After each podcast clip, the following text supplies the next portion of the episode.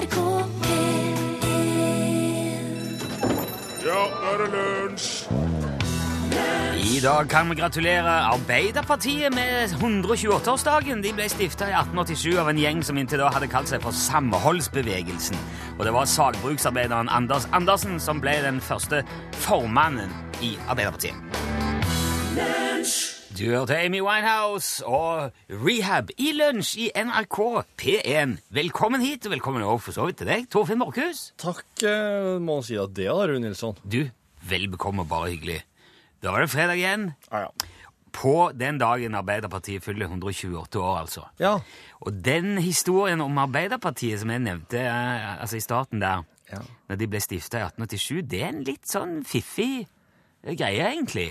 Det var ikke bare sånn vanlig stifting av politisk parti. Ja, det var vel for så vidt det, men det var en helt spesifikk årsak til at de ble stifta. Man kan si at hvis det ikke hadde vært for en korrupt og kriminell bankdirektør i Arendal, så hadde det antageligvis aldri vært en Arbeiderparti. En korrupt bankdirektør i Arendal. Jepp. Han het Aksel Nikolai Herlofsson, og han var eier av Arendal, Arendal Privatbank. Jaha. Og øh, han hadde ganske mange, eller flere av hans kunder da, var litt sånn konservative og forsiktige skipsredere og øh, investorer og handelsdrivende. Akkurat. Så de drev til ja, ganske opp mot slutten av 1800-tallet og investerte fortsatt i seilskuter. Ja. Og det var jo ikke så smart, da, for at eh, omtrent på den tida også kom jo dampskipene for fullt, og de var jo veldig overlegne seilskutene på veldig mange måter. Ja. Raskere og mer pålitelige og Ja. Så mm, da mm, Ja, de, de hang rett og slett ikke med, så de mista så mye konkurranseevne etter hvert at de klarte heller ikke å investere i dampskip. Nei. Men de prøvde å henge med så lenge de kunne, blant annet ved å kausjonere for hverandre sine lån i Ja. Arendal Privatbank. Ja. Mm. Og i tillegg til den litt sånn uheldige praksisen der, så hadde han her banksjef som drevet og underslått penger fra sin egen bank og forfalska regnskapstall og svindla i ganske stor stil i mange år allerede. Å, kjære vene, det høres ut som en sånn eh, finanskrise i et sånn i en, i en eh, Ja, du har i- ikke hørt det halve ennå. Okay. Han, eh, når, han, når de starta den der privatbanken, så tjente de vel penger i to år. Ja. Og, så drev, eh, og da begynte det å gå nedover. Da begynte han å tape penger. Så ta, drev de i hvert fall i ni år til Ja. med bare økende og økende underskudd. ja. Og da det omsider ble oppdaga og banksjefen ble arrestert, så utløste det et krakk i hele regionen. Det gjorde det, ja. Ja, det såkalte Arendalskrakket. og, ja, og, og på det tidspunktet hadde banksjefen og broren hans klart å opparbeide seg en total gjeld på over 12 millioner kroner. Og dette her var på 1800-tallet. 1885-6, ja. Det var jo. 1886. Å, kjære vene! Ja, det tilsvarte da den samla formuen til hele Kristiansands befolkning. Det ville eh, i dagens kroneverdi tilsvart over 6 milliarder kroner i den banken. Og det førte jo til en rekke med konkurser som igjen gjorde at veldig mange mista jobben. Og Barbu kommune utenfor Arendal ble spesielt hardt ramma. Og derfor gikk Arbeiderforeningen i Barbu sammen med Arbeiderforeningen i henholdsvis Øyestad og Hisøy og danna eh, Samholdsbevegelsen. Jaha. Og det gjorde de for å prøve å finne sammen og diskutere hvordan de kunne hjelpe de arbeidsløse og, og prøve å få, få fart på ting, Ja. for å avlaste situasjonen. Etter hvert så fant de ut at eh, det var en såpass stor og omfattende jobb at de burde nok heller stifte et politisk parti på nasjonalt nivå for å få mer innflytelse og gjennomslagskraft. Og det var det som førte til at på denne dag i 1887 så samla de seg ved Ormetjern i Barbu kommune og danna Det Norske Arbeiderpartiet. Og resten er jo historie, som man sier, da. Han banksjef Aksel Herlovsson der, han ble for øvrig dømt til seks års straffarbeid for bedrageri. Og den hendelsen eh, ble jo også slutten på Arendal sin storhetstid, og byen mista posisjonen sin som Norges fremste sjøfartsby etter det der, på grunn av han der Herlofsson der. Og det tok, regner man med, over 80 år før Arendal var liksom restituert og på beina igjen økonomisk. Ja, ja, for nå er de, nå er de der. Nå Så, men, går det greit. ja, men ikke, ikke Men bare Altså ja, nå er jeg spent. Ikke hvil på laurbærene, Arendal. Nei, og pass dere for eh, ja, ja, bankdirektører. Ja.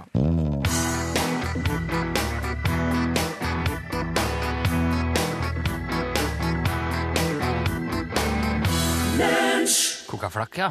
Du hørte eh, Øystein Sunde, selvfølgelig. Kjekt å ha. Ja. Det er på fredager, så Altså, dette her er en slik ting som jeg må bare ta siden det er fredag. Ok. Uh, det dukker jo opp iblant slike ting som høres ut som andre ting. Det, um, altså, Jaha. for eksempel vann. Høres ut som vann. Men for eksempel Se for deg nå en person som står ute på en islagt eh, liten dam. Han, eh, han driver åpenbart og skal eh, rydde den her vesle islagte dammen for snø, slik at noen kanskje kan gå på skøyter utpå der. Ah, ja, ja. Så dette her er en sånn heimevideo, eh, og det som skjer er at han står der med en sånn stor sånn eh, som er tre i skaftet, og så er en metall i enden. Ja. Ganske flat og brei. Ja. Du ser for deg typen? ja, sånn måke. Eller sånn snømåke. Ja. Ja. ja. Og, eh, og så sklir han og detter på ræva, så klart. Og når denne her uh, må... Uh, uh, ja. Skufla. Når den treffer isen, så lager den en lyd som høres ut som en kjent rockelåt.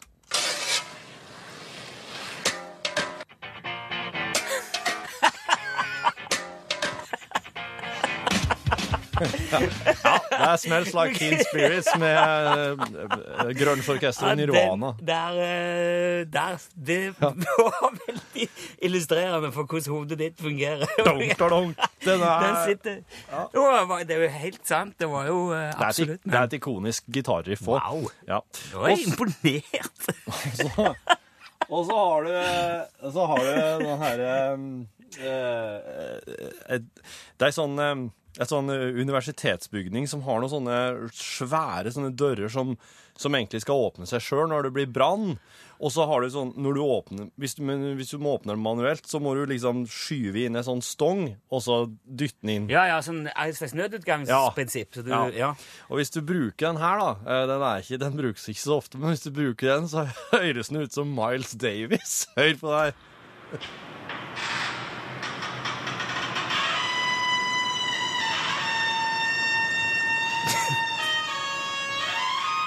Uh, der gikk en Det var en trompet-solo. Ja, det, det høres ut som eh, Miles Davis når han drev med sånn Bitches Brew eller et eller annet sånt der. der. Det er vel låt det som heter. Ja. Ja. ja. Ja, jeg Og s- trompeten, ja. Og så har du eh, det her veldig populære nattbordet. Det her er den siste nå, jeg lover. Ja. Eh, Et veldig populært nattbord som eh, har ei, har ei, eh, ei dør, ei skåpdør, og den høres slik ut.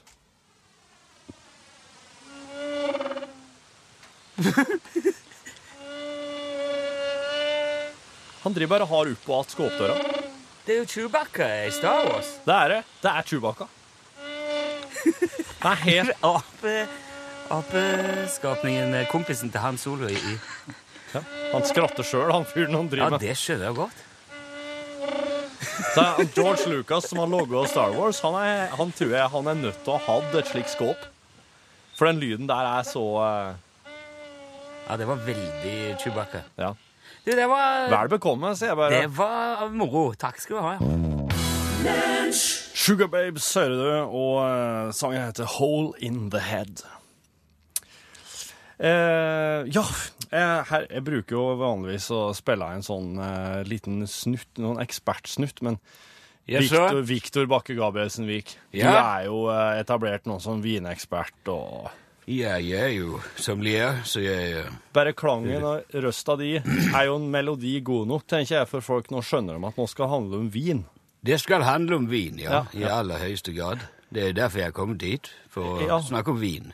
Ja, em, jeg, jeg, jeg gir deg jo bare full frihet, Viktor. Ja, det- Prat om det du vil. Jeg ber deg ikke om noe spesielt. Nei, det syns jeg det passer meg meget bra akkurat i dag, for eh, jeg har nettopp kommet hjem fra en studietur. Ja, akkurat. Ja, jeg har vært eh, en tur til de ytre sylfidene i det neosakrale Sargassohavet, eh, hvor jeg har besøkt en særdeles spennende vingård. Eh, og når man fungerer som sommelier, så er det meget viktig å ikke stivne i sine spor, Ja, så å si. Ja, man må være åpen for nye impulser, våge å se forbi Burgund, for å si det på den måten. Selv om de klassiske franske, italienske, spanske distriktene har sine fortreffeligheter å by på, så skjer det jo faktisk meget lovende ting andre steder også. Ja, det gjør det, Ja, Ja, det gjør det. Og det svært få mennesker tror jeg er klar over, er at det har vokst druekulturer på de ytre sylfidene siden før forrige istid. Nei. Jo. Det er jo helt fantastisk. Det finnes faktisk et rankesett i dette området som kan spores molekylært tilbake nesten to, eh, altså 20 000 år. Det er jo meget lenge. Kjære vene. Ja, vel bekomme. Man kan jo spørre seg om ikke disse druene i så fall vil falle inn under de lokomotive plantearter, altså sekunder og primærer, men det gjør de faktisk ikke. Dette er planter med adekvat samtidighetsfaktor, og de gir faktisk druer den dag i dag. Og siden de ytre sulfidene er såpass isolerte øyer, så er rankene heller ikke utsatt for hverken rams eller trøtske, og de har vært sykdomsfrie i tusenvis av år. Oi. Og det gir jo en utrolig robust eh, anstelning. Ja.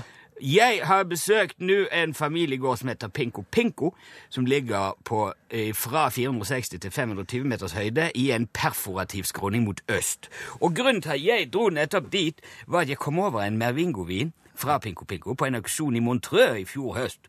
Og som vi alle vet, så finnes det jo ikke lenger sertifiserte Mervi- Mervingo-viner. Å oh, nei. Nei, det er bare avarter igjen av den opprinnelige druen. Så selv om det står Mervingo på flasken, så er det jo underforstått at det egentlig handler om luger eller trikolor. Å ja. Ja, for det, oh, ja. ja, for de, altså det, det, det er en betegnelse. Men nå er altså denne, denne var sertifisert. Den hadde seilet til La Crosse Maranata på, og nummerert ifølge klassisk urologisk standard, så jeg kjøpte selvsagt vinen. Og eh, det var for øvrig en 1982 semimagnum. Tok den med på en smakssamling i Hemsedal i januar nå i år, og da fikk vi oss virkelig en opplevelse, kan du tro. Ja. Den hadde en unik toleranse, langt over normalt substral, dype strøk av never og osmose, blandet med nærmest lakrisal fruktkompott eh, som nesten vin, altså minner om vaniljepære. Ja. men uten den påtrengende sødmen som man vanligvis får i viner med så dyp askona. Du kan si at den har arkitekturen til en blanding mellom Prismento Laguna 98 og Haparanda Ligatore 77. Akkurat. Bare med tårnutsikt og flattert utsyn. Så jeg har opprettet nå kontakt mellom Pinko Pinko og den internasjonale forhandleren Gass, som har base i Bonn. Og i løpet av eh, neste år så vil det være mulig å bestille viner fra sylfidene hos eh, Bonn Gass. Ja. ja. Det er min soleklare anbefaling i dag til alle som ikke er redd for å prøve noe nytt, og som kanskje er nysgjerrig på eh, Mervingo. Pinko Pinko. Så, så den var god. Den er aldeles fortreffelig. Kanskje noe av det beste vi har nå. Ålreit. Da har dere fått med dere det, dere som eh, skal ha dere en vin til helga her. Ja, den får ikke før neste år. Til neste, det- neste, år, ja. Ja, eller det blir vel mer riktig å si at den kan bestilles neste år, men den vil nok bli levert i løpet av 2018. håper jeg. Ok, Da har dere en vin, dere som har tenkt dere en eh, vin ei helg i 2018, som Ikke dere sant. kan bestille neste år. Det er smart å tenke fremover. Det må, det må nesten gjøre den businessen her, Viktor. Ja. Takk for at du kom. Takk selv. Eh, Her er Katrine Rømmen med 'Når kjem du igjen?' Og det kan jeg vel nesten spørre deg om òg? Ja, det får bli når det passer. Jeg skal på nye turer, så jeg kan jo droppe innom hvis jeg finner noe interessant. Flott. Takk skal du ha.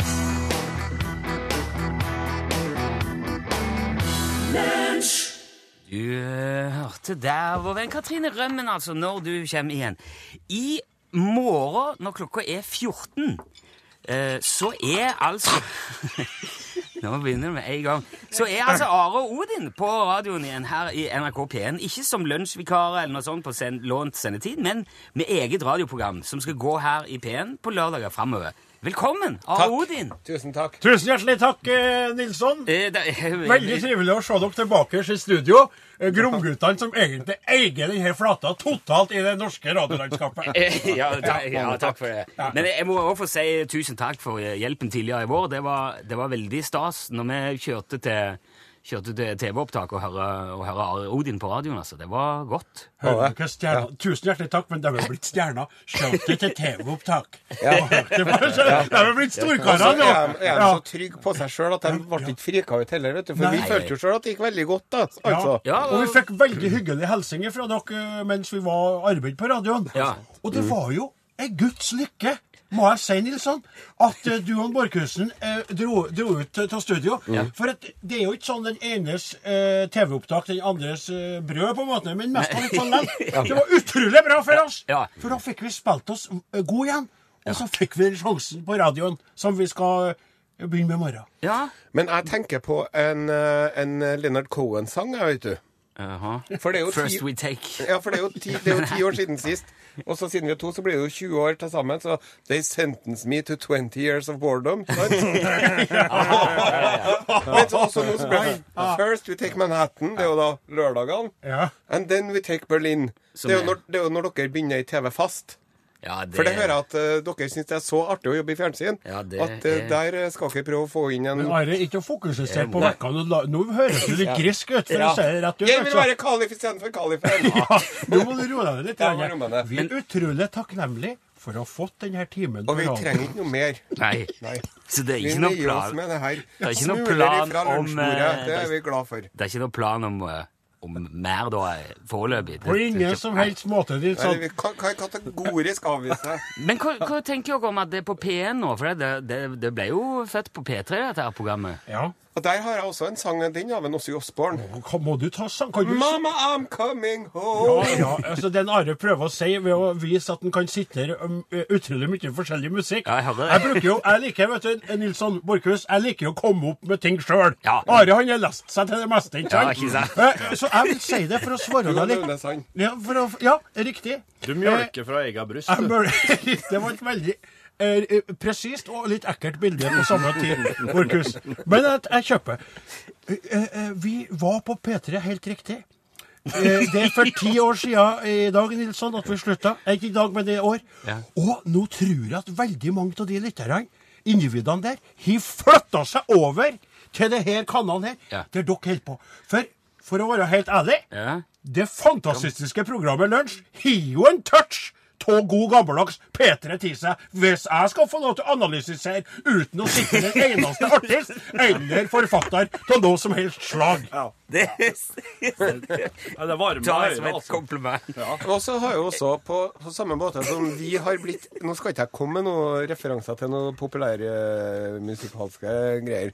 Men på samme måten som at vi har blitt eldre, så har jo radiokanalen P1 blitt yngre. Ja, så vi er jo det. Men nå siterer du en eller annen sjef du har vært på Nei, men seminar eh, med. Han seg sjøl fra avisintervjuet som vi hadde på, i VG-en. Ja. Som ingen leste. Men eh, det er jo det at eh, Sant? Nå Nå kom du ut av kom jeg av det. Jeg kan stille et spørsmål her. Ja. Fordi at, eh, eh, dere er jo litt sånn, dere er jo radarparet. Og jeg forsto at når dere kom sammen igjen, så var det bare det sa bare klikk igjen, og så var det akkurat som det ikke hadde det hadde vært fra hverandre. Men det har skjedd ting Ja, men vent, la oss spørre ferdig Ja. for det, slår, det, det som jeg tenker litt på, Odin, du slår meg jo som en veldig varm og, og raus kar. Med, med stor omtanke for både mennesker og dyr. Ja. Men Are er jo en kynisk opportunist som tenker mest på seg sjøl. Hvordan har dere funnet tonen så godt? Å, kjære. Oi, Hvordan går det an? Hvordan kan uh, hva var det som Se skjedde? Telefon. Det, er det? det der er veldig spesielt. at det Skal jeg ta den, eller skal, vil du høre? Nei, jeg skal ikke ta telefonen. Nå er det feil? Er ikke planlagt. Er ikke noe innslag dere har funnet på? Nei, Jeg har ikke bestilt noe Skal vi prøve å svare på det spørsmålet? Det hadde vært fint. Kan du sammen, Kan du lasse opp det med en Are igjen, for det var veldig artig sagt. jeg sa det, Du er jo en veldig varm og raus kar, mens Are er en opportunistisk, en kynisk opportunist. Ja. Eller sa, som tenker mest på seg sjøl. Ja, Nå vet ikke jeg hva dere opportunistisk betyr, men Nei. kynisk, ja, litt. Rann. Ja. Og opptatt av seg sjøl, ja. Ja. Men du vet, har, har du hørt om eh, yang og yin? Ja, det? Ja. Eller svart og hvit, gul og rød. Ikke sant? Det er, det er kontemple... Kontenem... Kontementer... Nei, kontemplære! Ja. Hva heter det? Det Komplementære. Yes, riktig. Som som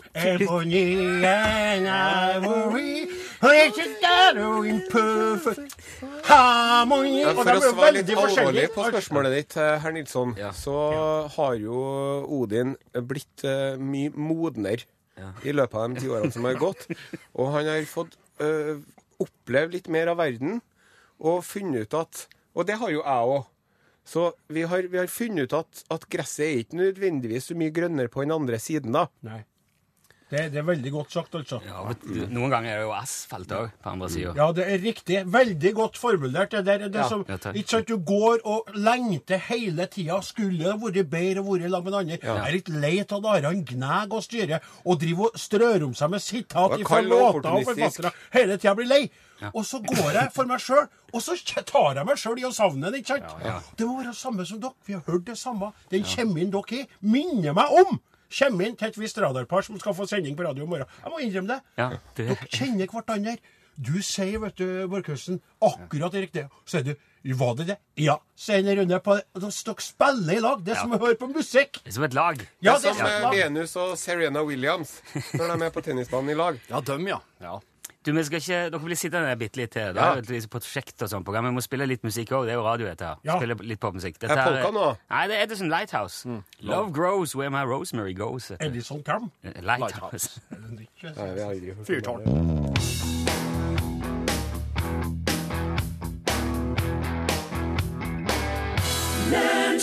Edison Lighthouse var det du hørte. Uh, Love grows where my rosemary goes. Vi har fortsatt Are og Odin i studio i anledning premiere i morgen på NRK P1 på Det heter Are Odin. Programmet heter Are Odin. Ja. Ja, og det er jo rett og slett slik, kort oppsummert, hele årsaken til at vi har fått sjansen på Norges største radiokanal, er fordi vi var vikarer i programmet Lunsj, Ja. mens dere toene var ute og spilte dere foran kamera.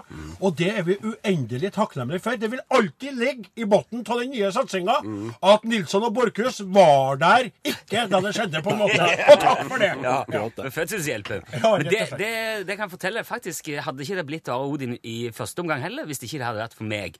Fordi at eh, vi hadde kaliber i tre timer, og det var altfor alt for mye. Og så gikk jeg til sjefen og sutra i P3, og så sa jeg kan ikke ha så lang sending. Var det du som åpna opp for den timen? Ja, Og så sa jeg ja, vi får spørre Are og, og Odin da, om de kan finne på et eller annet. Ja. Så eh, hver gang jeg beveger på meg, så får dere sendetid. Så jeg forventer eh, egentlig ingenting for det, men jeg tenkte det kan være greit å si. Ja, det er veldig greit å si. Altså, du har jo vært med på å skrive den radiohistoria som jo tross alt programmet vårt er. ja. Og nå begynner, men nå begynner jo neste kapittel. Og da, da, altså det er egen sendetid, det er eget program, og da skal dere jo ha egen bredere kontakt med lytterne òg. Ja. ja. Ja, vi må, vi må være på det der eh, De kaller jo det sosiale medier. Jeg bruker jo å kalle det asosiale medier. For alle sitter jo og glaner inn i Facebooken sin, eller Instagrammen, eller hva det nå er. Twitter og Snapchat og alt det der. Men kall det sosiale medier. Der må vi være. Vi er in the, in the, in the middle of uh, now, sant jeg yes. i England. Og da har vi etablert ei, Ja, sånn vent, nå. Okay. Foregriper jeg begivenhetenes gang litt. Okay. Men kan bare si det med en gang, at vi tar imot eh, tekstmelding. Ja, ja. SMS til 1987. Kodeordet er, hold dere fast, Are og Odin. Ja, eller Are Og Odin. Ja, Are og Odin, da. ja, i ett ord. Ja. Ja. Og Odin, ja. Yes. Mhm. Og så har vi fått oss eh, elektrisk post, ja. Are Odin, krøralfa, nrk.no. Akkurat samme som før. Og så tar vi imot eh, brev òg. ja. Ja, den adressa kan ikke. Are Odin, NRK Trøndelag 7005 Trondheim. Det holder, det, ja. Og så er det jo så at eh, man kan jo be om eh, de tekstmeldingene man vil. Men hvis man ikke er eh, manifestert seg på sosiale medier, Ja. da eksisterer man ikke. Nei. Hvis det ikke ligger på Instagram, så har det ikke skjedd. Riktig. Og nå har ikke vi noe Instagram-konto. Men altså, den, den lurer jeg. Jeg har jo utvikler jo en sjøl noe som heter Instagarden. Det, det, er, ja, det er som for folk som strekker og driver med ølprodukter Som vi holder på å utvikle. Men vi skal melde oss på Instagram. Og vi skal komme oss på dere Snapchat. og Snapchat og hele pakka. Ja, Men først ut, selvfølgelig, Are. så er jo eh, den eh, er Mark Zuckerberg sin eh, lille skapning Facebook. Ja. Ja.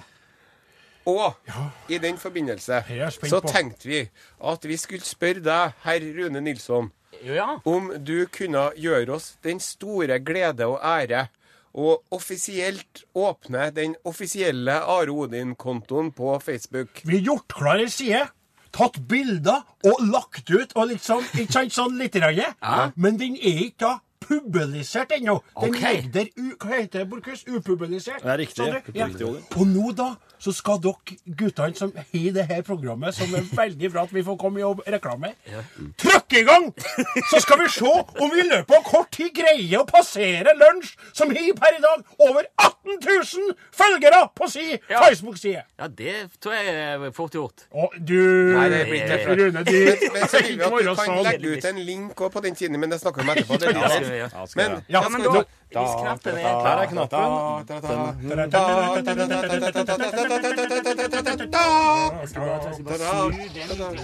Unnskyld. Ah, Vent. Så sier du noen bevingede ord. Ja. Eh, her Nei, den, ja. erklærer jeg eh, Are og Odins Facebook-side for offisielt åpnet.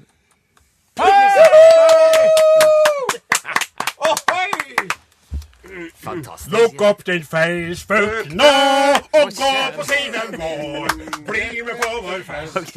Tralalala, lukk opp din Facebook nå. funker bedre når vi synger samme, er- samme teksten. Ja, Men da skriver jeg på på, så begynte vi med en annen tekst som vanlig. Eh, da er Facebooken åpen. Programmet åpner i morgen 14.05. 14.05, Ja, ja. det var noen nyheter og noen greier først. Ja. Ja. Du, eh, eh, lykke til, og tusen takk for at dere kom, og god fornøyelse, og takk for at dere lager Takk for oss, og takk at vi fikk komme. Og vi kommer gjerne tilbake. Og vi er alle all sammen individer. Absolutt.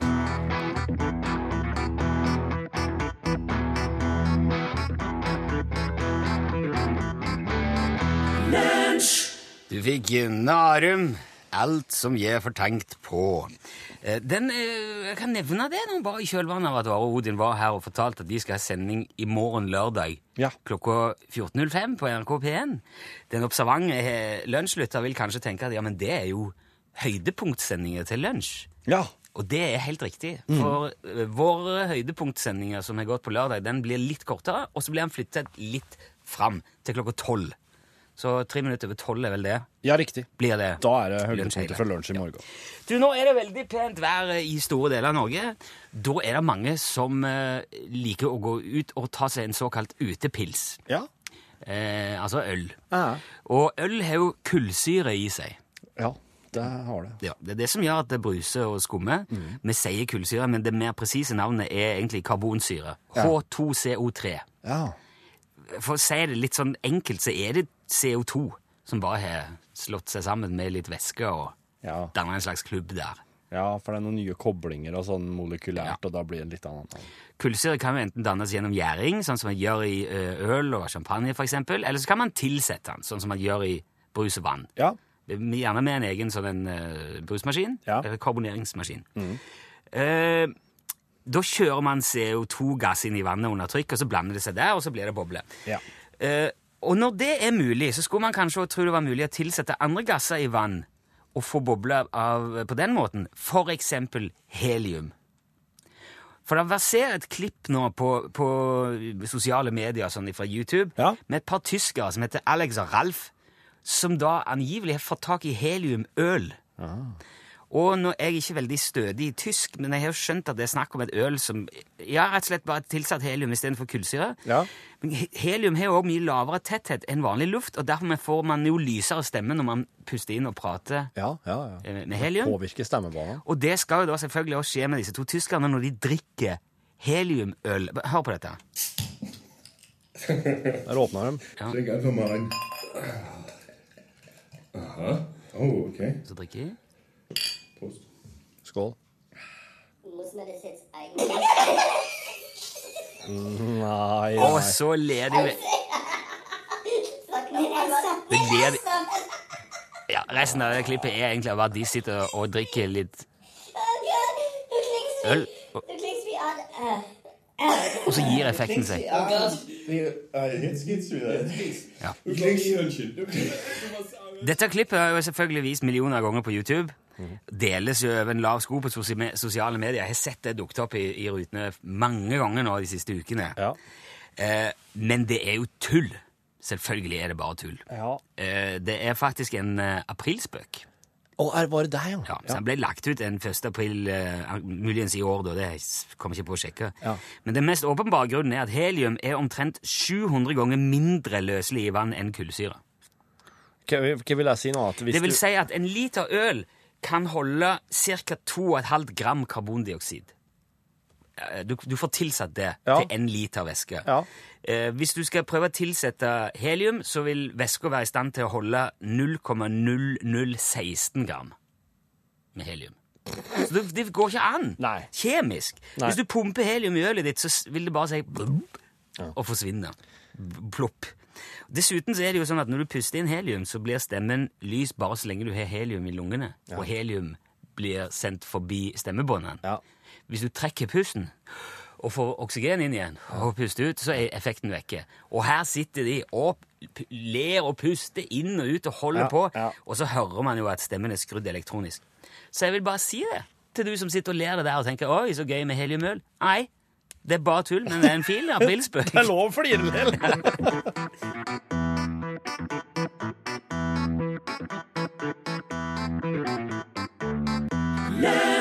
Det var Gullperl og Truls. Låten der het Circles, og det var siste musikalske ord i lunsj i dag, for nå er Pål Plassen i huset. Hallo, Pål. Hallo, hei. hei. Du, jeg lurer på om eh, Oi!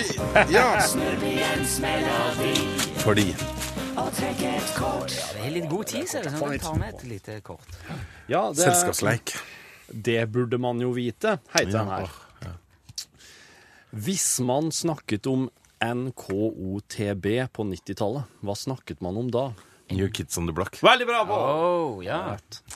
Uh, ja, det, altså, du Alle jentene var forelska i dem, husker jeg. Det var irriterende. Du, han kalles The Real Deal, og Mike Tyson beit en bit av øret hans da de møttes i 1997. Hva heter han? ja. Vil du se? Eh, Mohammed Ali, var ikke det? Nei, nei, nei. Nei? nei, nei.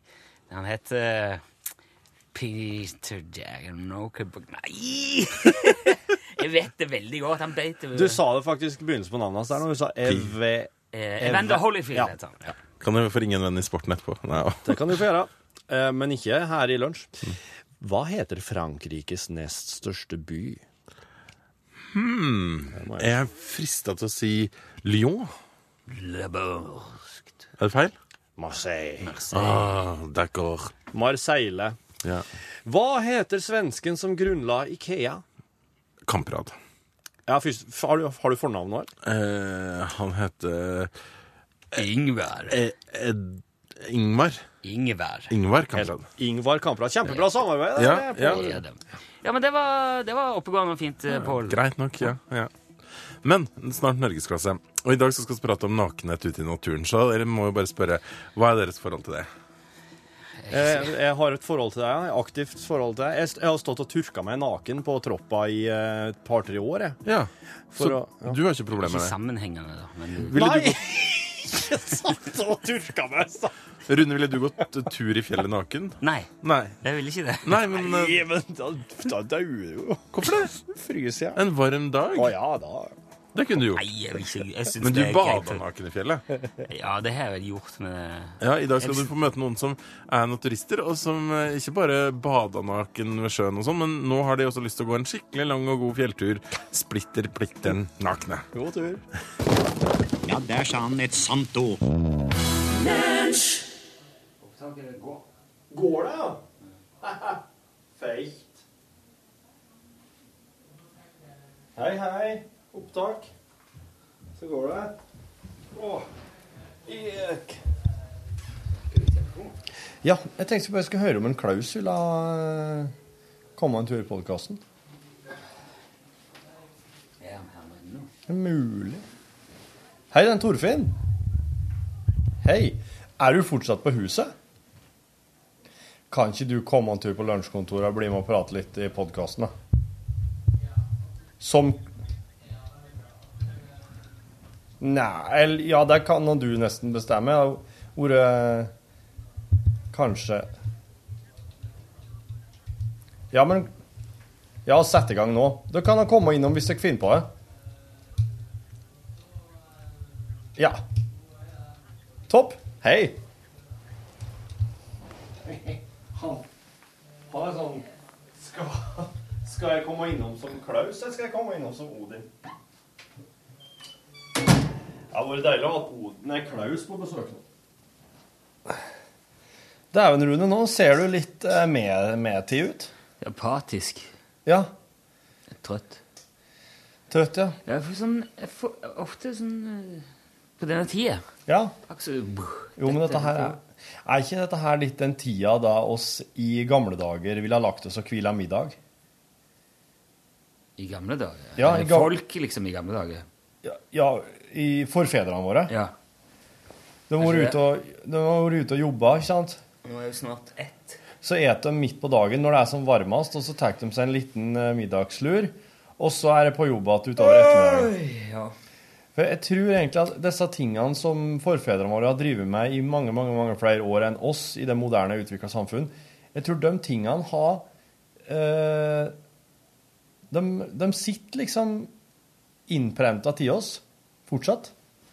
I en sånn liten Sånn at oss bare oss, oss merker det ikke sånn kjempegodt, men Men det er liksom noe som oss bare Det er slik det bare er, tenker oss. Men jeg kjenner jo at jeg har ikke lyst til å være her så lenge i dag. Nei, og skal ikke. Det er, det er så fint vær. Det er så fint vær. Det er helt eh, tullete så fint vær. er. Nesten det fineste været jeg har sett, tror jeg, noen gang. Ja. Noen plass. Ja, de har vært raus med oss i augusten, altså, værgudene. Kompensert litt for det de Alt det hatet de dundra på oss i øvrige sommeren. Det er så, Man blir så glad, vet du, og så glemmer alt det der. At det som om har vært egentlig helt ræva. Ja, Hvis du får ei uke med sånn som dette her, så er det så er alt tilgitt. absolutt. Um. Fredrik Norum har sendt oss en e-post der det står 'God høst, gamle regleramsere'. Vadsø, tirsdag 11. august. Sol.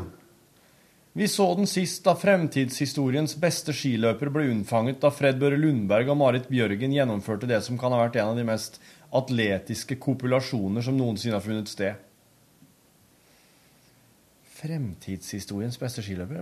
Fred Børre Lundberg og Marit Bjørgen skal få en unge i framtida? Ja, de, er hun er jo gravid. Det, det er drist... Ja, men er det Fred Børre Lundberg som er faren?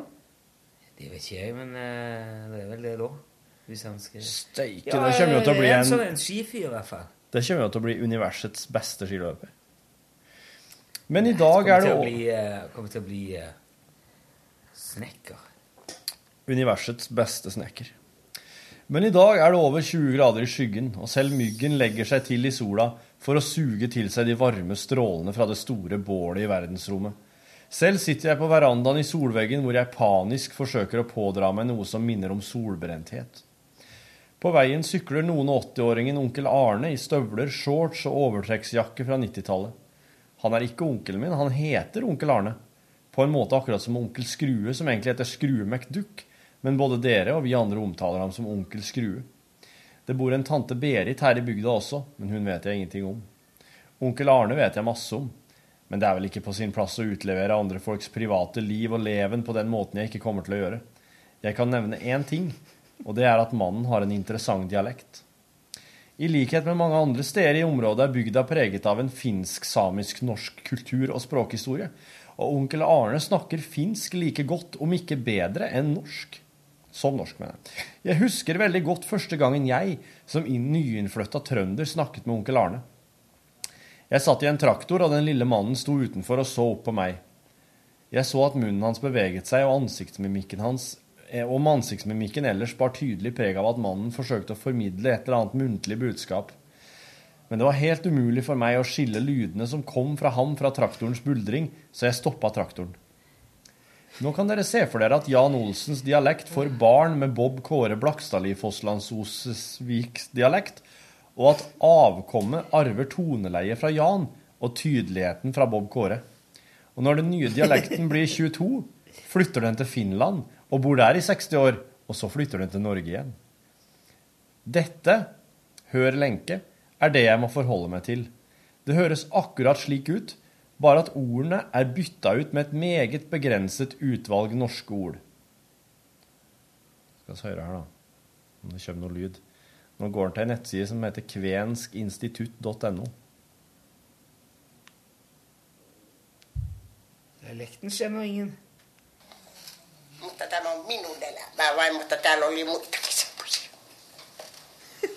Täällä oli sinä vuonna just. Kyllä se oli köyhyys. Oi voi, se oli köyhyys ylheisesti. Olli teki tuolla Kiiperissä oli vielä enemmän, kun se oli kalastus. Kun siellä ei ollut ollenkaan lehmiä eikä mitään. Meillä oli maito kuitenkin. Wow. Maitoa, että me saimme panna fiiliä ja, ja kirnusimme voita. Ja, mutta ei saanut päällistä syödä. Ei, muori sanoi, että ei saa ottaa se pitää. Shit. OK. ok. Det var kult. Det der er var kvensk. altså lydopptak av kvenske dialekter. Wow. I ettertid har jeg forstått det slik at onkel Arne hadde fått nyss i at jeg var belemret med en akademisk bakgrunn som multimedieteknolog, altså sånne tatakreier, og at jeg kanskje var rette mann til å finne ut av hvorfor fjernkontrollen til parabolen ikke virket. Ettersom de eneste ordene jeg forsto, forsto, var fjernkontroll og parabol, kunne jeg naturligvis ikke hjelpe ham, så jeg ba ham ta det opp med butikken han hadde kjøpt den i. De kunne sikkert finne ut hva som var galt, sa jeg. På dette tidspunktet hadde jeg som nevnt nettopp flyttet opp hit, og trønderdialekta var fremdeles fersk. Og det ble med ett veldig tydelig at onkel Arne ikke hadde gjennomført opplæring i trøndersk. Så der sto vi, begge to med beina godt plantet i vårt eget fedreland, fullstendig ute av stand til å kommunisere verbalt. Det har gått sju-åtte år siden den gang, og det er vel et par-tre år siden jeg begynte å forstå såpass mye av det han sier, til at det kan brukes til noe fornuftig. Jeg tror han forstår omtrent halvparten av det jeg sier. Men det er nok hovedsakelig fordi jeg er en sånn en som legger om dialekta. Ja da. Så det. Velkommen tilbake på jobb. Tusen takk, Fredrik. Så fint. Eh, Det kom en til her fra Fredrik som heter Bart. I forbindelse med en eller annen sending eller podkast for veldig lenge siden fortalte Torfinn at han eller hans fru hadde vært i telefonisk kontakt med ei jente.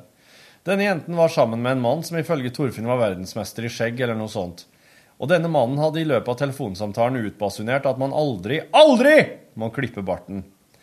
Jeg er veldig åpen for å ta til meg ny kunnskap, så siden jeg hørte dette i vår eller noe sånt, har jeg ikke klippa barten. Tidligere hadde jeg en uvane hvor jeg stusset barten ved å bite av bartehårene som ble så lange at jeg fikk tak i dem med tennene. Dette har jeg også sluttet med. Godt å høre. Jeg kan ikke annet enn å si at barten har blitt mye bedre. Jeg har i alle år vært plaget med det faktum at det ikke er skikkelig kontakt mellom bartebehåringen og resten av skjegget, altså i området ved munnvikene. Men nå som jeg ikke har stusset barten på evigheter, så ser det ut som at det er kontakt i munnvikområdet. Det har nok ikke blitt flere skjegg der, men ettersom barten nå er meget mer fyldig, ser det altså langt bedre ut. Problemet er bare det at når barten nå driver og blander seg inn når det skal spises eller drikkes, softis er spesielt problematisk. Å, det skal jeg skrive under på. Jeg har landet på at det enkleste er bare å spise som før, mens jeg dytter barten ut av kjeften med jevne mellomrom, for så å vaske barten etterpå. Men det blir jo litt styr. Fra ymse bilder på Facebook har jeg lagt merke til at Torfinns bart er mye mer omfangsrik enn min, så jeg er ute etter gode råd og tips om ulike teknikker. Og er det sånn at når barten når en viss størrelse, så forsvinner problemet av seg selv? Hva med snurrebart? Er det innafor? Gode gud. Har ikke hørt på dere enda, men det kommer. Gleder meg til å se dere på televisjonsapparatet også. Fredrik. Ja, det stemmer det. Dette kan jeg ingenting om. Det var eh, artisten Det var mannen til artisten Astrid Kloster som, eh, som utbasunerte over, i en Skype-samtale som kjerringa mi hadde med, med venninna si Astrid. Aldri klippa barten! Aldri! Torfinn, jeg har aldri møtt den før. Jeg har aldri møtt den, jeg har aldri møtt den siden, men eh, oss har nå litt sånn indirekte kontakt gjennom kjerringene våre, da, som er gode venninner. Og han, eh, han ser ut som eh, Han er sånn rogalandsviking, ja. Det er han skikkelig. Og, eh, og da slutta jeg med det etter hvert. Så nå, nå, er det bare, nå har jeg lært meg det trikset som går ut på at hvis jeg gjør sånn her nå, hvis jeg flirer Hei, Rune. Hvis det da er hår som stikker ned foran tenn, så skal han klippe dem. Og da klipper han dem rett sånn bortover. Vannrett bortover der. Mens når han kommer bort til der barten Min bart begynner å svinge seg. Der må han være litt mer uh, forsiktig, da. Er dette eh, en slags ISO, eh, EU-regulert battestandard bartestandard, eh, lovpålagt? Ja, du vet, det er faktisk Det, det, det er bortimot der, for at eh, plutselig så blir det veldig rart hvis du klipper det litt dumt. Ah. Plutselig blir det sånn veldig rart ut. Du ser at noe er feil. Eh, altså proporsjoner, harmoni. Gud, jeg er glad at jeg bare ikke har noen ting som ansiktshår. Men det du må gjøre, er at du, du, må, du må brette Du må liksom uh, sitte med fingrene og, og, og på en måte vise barten vei. Her utover skal du. Ja. For jeg kunne like gjerne, jeg kunne like gjerne tvinna den innover, sånn at den hadde tvinna seg inn i munnen. Men da hadde du hatt et helvete gående hele tida. Litt sånn som folk som er sceneteknikere. Var det ikke det jeg sto? Jeg la sånn artig greie. Å være, scene, å være sceneansvarlig er litt som å kjøre motorsykkel, bare at sykkelen din brenner, og at alt rundt deg brenner, og at du brenner, og at du er i helvete. Sceneansvarlig på store produksjoner. Du, jeg må ringe en mann om en fugl, jeg. You have to call a man about a bird. Det kan du vel? Ja, jeg, så, jeg beklager, men jeg, jeg har ikke noe, jeg har tatt meg helt ut i dag på. Jeg har ikke mer å by på. Jeg må ringe en mann om en fugl, og så må jeg gå. Ok. Fredrik Norum har også sendt oss en e-post til. Der står det 'nylua'. Det har ikke slått dere at det er den nye rævalua som kommer til å bli den mest verdifulle på sikt? Jeg tenkte litt på det, ja. À la frimerker med feiltrykk etc. Jeg, sa, jeg, jeg nevnte, jeg så den der eh, når vi snakket om lua. Jeg nevnte det på luft her. det- Men, men, men eh, det har uansett ikke noe å si for oss, for at selv om de blir kjempeettertrakta og verdifulle, så er det uansett ikke en verdi som kommer oss til gode. Det er Eller altså, jo, på, på, en, på en indirekte måte, men den verdien er uansett er den så som- jeg må bare ha. Jeg ga vekk jeg i går. Jeg. den som, ja, men den- Verdien er uansett den som har den sin. Og oss går jo ikke rundt og selger huver privat. Så det, det viktigste er bare å få spredd de huvene uansett. Men sjøl om oss gjør altså, Men samtidig Det å få den i en uh, ukurant UTS-konkurranse, en ræva konkurranse, det er faktisk ganske vanskelig, det òg. For du må slippe gjennom det nålauget det er å ringe inn og treffe akkurat. Så den henger heng høyt, den òg, sjøl om det er på en helt annen måte enn eh, det å bli trukket ut og oppringt i eh, UTS-konkurransen, da. I, I UTS, vær så god. Um, men er det sånn at du vil, vil, du vil stoppe den nå? Eller skal jeg ta et par e-poster til? Vegard Forbord har sendt oss en eh, e-post. Tar, tar du ansvar for det? Kan jeg gå og ringe? Ja, da skal, jeg vente, da skal jeg vente litt med den, faktisk. Oh, ja, men, men, men. Nei, men ta ring, du. Ring, du. Do it. Do it. Ja, så får jeg ordna det. Well, well, well. Um, Fredrik. Bart. Um, det er òg noen produkter der ute som, som jeg vil at du skal vite om. Og det er eksempel noe Det er britisk Det er ofte britiske. De har jo Skjønner ikke helt det. Jeg vil tro både inderne og armenerne og italienerne har holdt på like lenge med disse tingene her som britene har gjort. I alle fall. Det er, de er ofte Hvis det er sånn hårolje, eller sånn skjeggolje, da må du være klar over at hvis de er parfymert, så er ofte den parfymelufta veldig intens i disse skjeggoljene. Og det syns jeg det er en uting til dem jeg har prøvd. Iallfall mulig at det er de, de britiske. Men jeg ser det egentlig ikke for meg at en indisk eh, skjeggolje skal være noe mindre parfymert. Men å ikke gå for lavendel. For det lufter altså som en slags eh,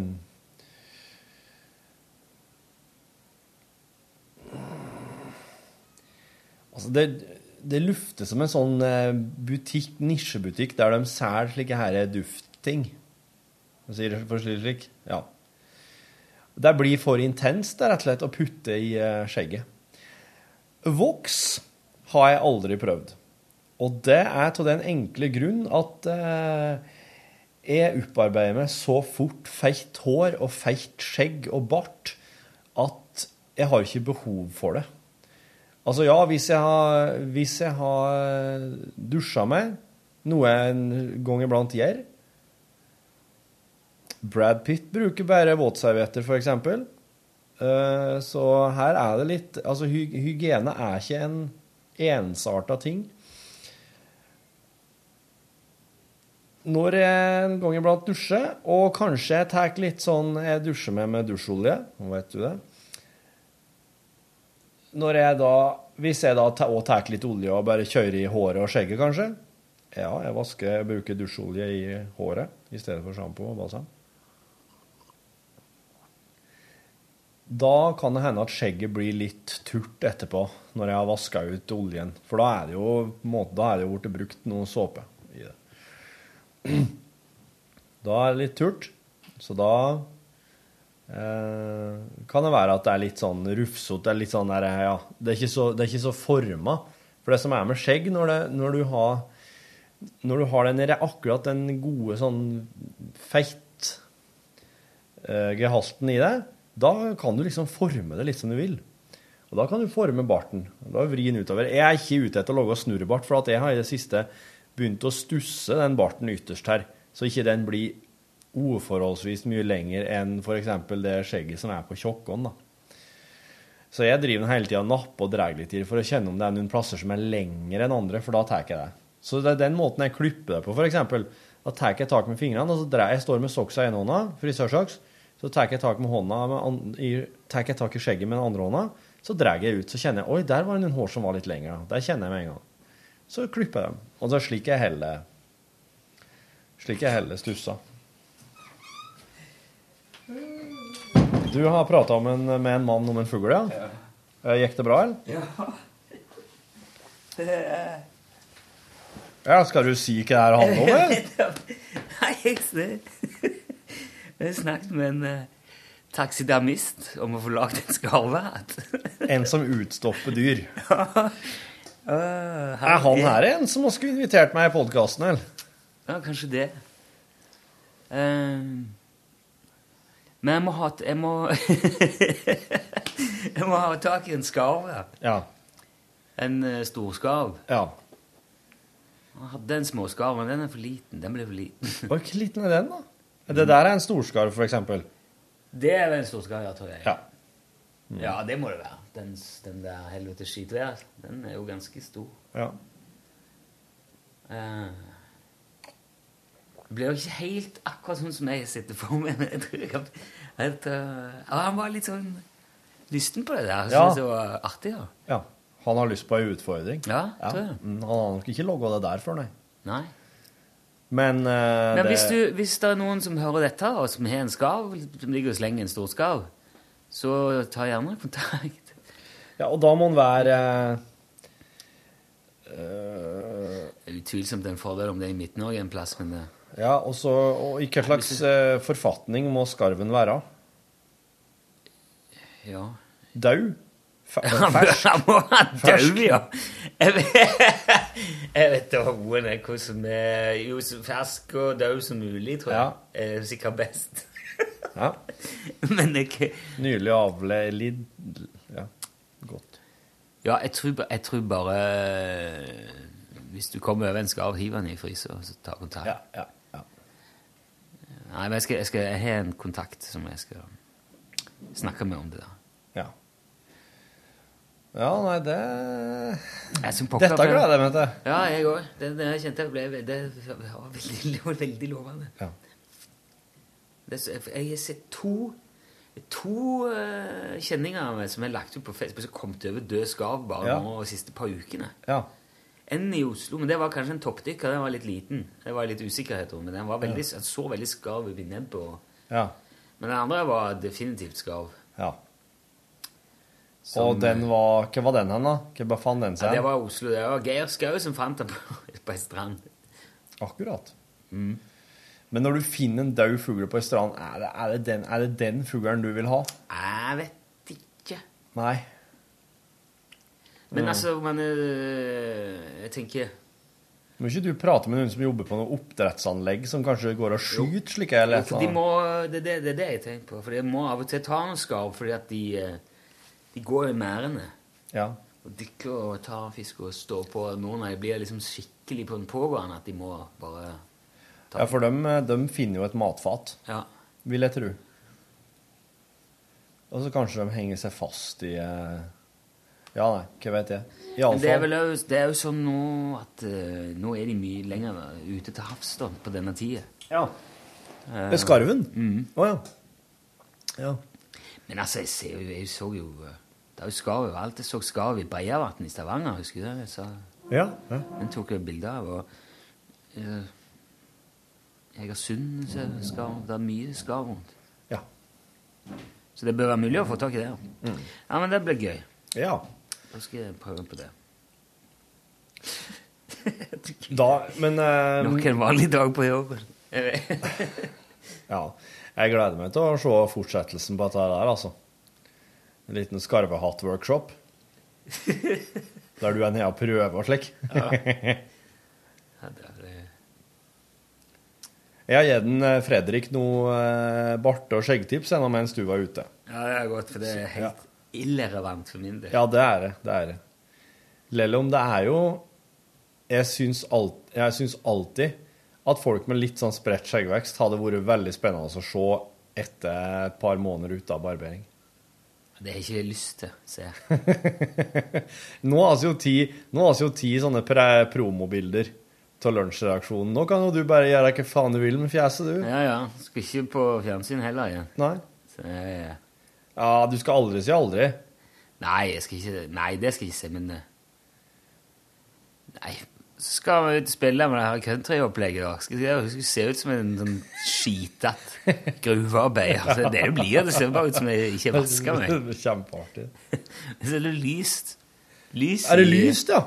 Jeg er jo lys i, eh, relativt lys i håret. Ja, men det er ikke sikkert at barten og skjegget blir der lell. Jeg hadde jo litt sånn bart her en gang, men eh, Du har hatt det, ja? Ja, men det, nå for, ja, det var jo her må jo være i november her i fjor. Var det Jo, ok, du var med på det, du òg. ja. Eh, bare Ja, bare ja. bart, da. Ja. Men da, da kom Jørgen Leangen bort til meg i kantina og sa Den jeg ser på den barten din, for jeg bare har lyst til å slå til. Og det kom fra buddhisten! Når buddhister får lyst til å slå! Ja, da setter jeg Ja, ja, ja, det ille, altså. Og så sa jeg, sa jeg gang på på en koøving, og da, jeg- da hadde jeg gått noen dager før siden jeg hadde barbert meg. Ja. Det var litt sånn. Ja. Eh, og så spør Det var Rune Gokstad. Så spurte jeg Sparer du til bart? Nei, sa jeg. Det ville bare vært dumt. Ja. Ja, men du Han har, har han eh, Nei, det tror ikke han heller. Nei, for han har heller aldri sett med noe Nei, men det er noen av oss som ikke har liksom eh, anlegg for eh, skjegg. Nei. Ja, nei, Min kompis Frode Eggen han òg er sånn, eh, sier at han blir bare sånn lortete ut. Det er bare sånn spredt Ja. her og der. Altså, Ja, er enkelte plasser det, er det skjer ingenting. Altså, er det, litt sånn, det er også litt sånn der, det er ikke helt symmetri til det. Så er det en flekk der oppe, og der nede. Ja, litt som en sånn en, som en solsvidd plen. Ja. som en ujevn Ja. solsvidd plen. Det er solsvidd, bare Hvem veit hvorfor det er solsvidd akkurat der? Nei, det ble. Det ble sånn Men du, det apropos det. Her har jeg en Her opp, oppå rett overfor kneet her, på akkurat der låret begynner, det er en hårløs flekk som er veldig glatt. Ja. Så det er veldig lite hår på beina. Jeg har liksom lite hår i det hele tatt rundt forbi. Har du det, ja? Ja. Hvordan er det i ja, det går greit. Det går greit. Ja, ja, det skal... Dette snakket ikke vi om nå. Men jo, ikke nå er det nok. Det får ha god tilstand da. Kjære som skjedde nå? Hør flere podkaster på nrk.no podkast.